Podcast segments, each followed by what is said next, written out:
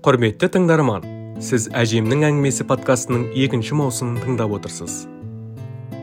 Әжемнің әңгімесі сондай әсерлі. Әжемнің әңгімесі тарихи дерек пен оқиғаға толы. Сәлем тыңдарман әжемнің әңгімесі подкастының екінші маусымын тыңдап отырсыз. Микрофон алдында әдеттегідей дана маратова. Бұл маусымда әжелер соңғы саяси оқиғаларды талқылап ресейден қазақстанға келген орыстар туралы айтады. Олардың айтуынша дәл осындай оқиға жүз жыл бұрын да қайталанған екен. Қазақстанға ресейден көшіп келген шаруалар мен жергілікті қазақтардың арасында сол кезде түрлі кикілжің пайда болыпты. Тіпті әңгіме барысында осы шығыс қазақстанда пайда болған орыс өлген деген сайдың тарихы да айтылады. Науал ауылының басым бөлігі тума деген рудан тараймыз. Сол туманың өзі ары қарай бірнеше тарауларға бөлінеді ғой. Ә, туманың ішінде қылыш. Біз қылыштың өзі ары қарай тап тапқа бөлінеді. Жігітбек ата сол біздің рудың адамы қылыш ауыл деген ауыл болды. Тарбағатай тауының баурайында.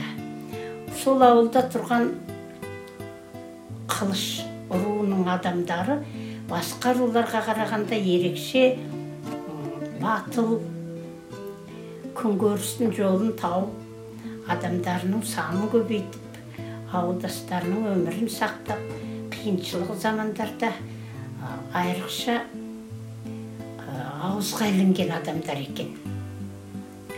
Онымен тарихи деректер естуім бойынша ә, ата анамнан ауылдастарымнан бала кезімде айтылған кейбір деректер бойынша байқадым.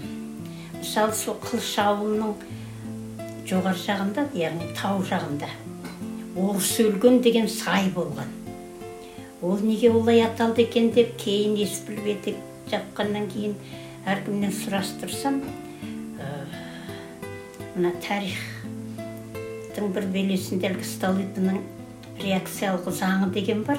Сонда орыс украин шаруаларын жерсіз шаруаларын патша үкіметіне наразы болған жерсіз шаруаларды ен жатқан қазақ және басқа азиялық халықтардың жеріне жаппай қоныс аудару деген болған. Сол қоныс аудару кезінде 20 ғасырдың басында келіп біздің қылыш ауылының жайлауын патша үкіметінің жарлығымен басып алып заңсыз келісімінсіз жергілікті халықтың ауылдар орнатқан. Солар келіп қоныстанған және үй салған. Ол уақытта ондай үйлер көп болмаған. Бірен саран ағаш үйлер болмаса мына топырақтан саманнан жасалған үйлер болмаған сияқты.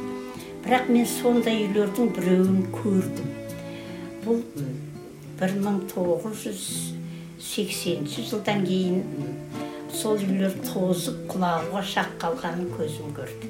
Сонда қабырғасында 1905 деген жазуды көрдім бір бауырымның сатып алған үйінен сол жерлерде аксаковка ириновка кировка благодарная благодатная деген ауылдар орыс жатылған ауылдар тұрды. Сол жерлерде мына ақсақовка деген ауылдың орны қазір де бар енді көлденең деп атап кеттік. Қазір қазақша бұрынғы ескі атауына көшіп қылыш деген рудың адамдарының жайлауы екен. Жаз жайлауға шығады екен. Кәдімгі көшпенді қазақ тайпаларының бірі қылыштар. Қыс қыстауға қонады екен жаңағы. Тарбағатай тауының бергі етегіндегі қылыш ауылына келіп көлденең өзенінің бойына жартылай жерден үй салып алып қоныстанған ғой. Ал жазда жайлауға барғанда мыңғырған малдары болған. Бірақ аса бай болмаған жаугершілікке сай дайын отырған ру болған сияқты. Өйткені олар қару туралы көбірек айтады. Бес қаруын түгел сайламаса да қылыштардың әйтеуір қылышы болған кездігі болған ататын қаруы болмаса да әртүрлі қолдан жасалған қорғаныш қорғаныс үшін жасалған құралдар болған қорғаныс құралдары. Құрметті тыңдарман сіз әжемнің әңгімесі подкастының екінші маусымын тыңдап отырсыз. Айтпақшы айта кетейін ә, бірінші маусымда дина әжемен соғыс ашаршылық кузбасстағы қазақ қыздары ә, колхоздағы еңбек күн жүйесі обамен күрес және оның коронавируспен ұқсастығы туралы сөйлескен едік.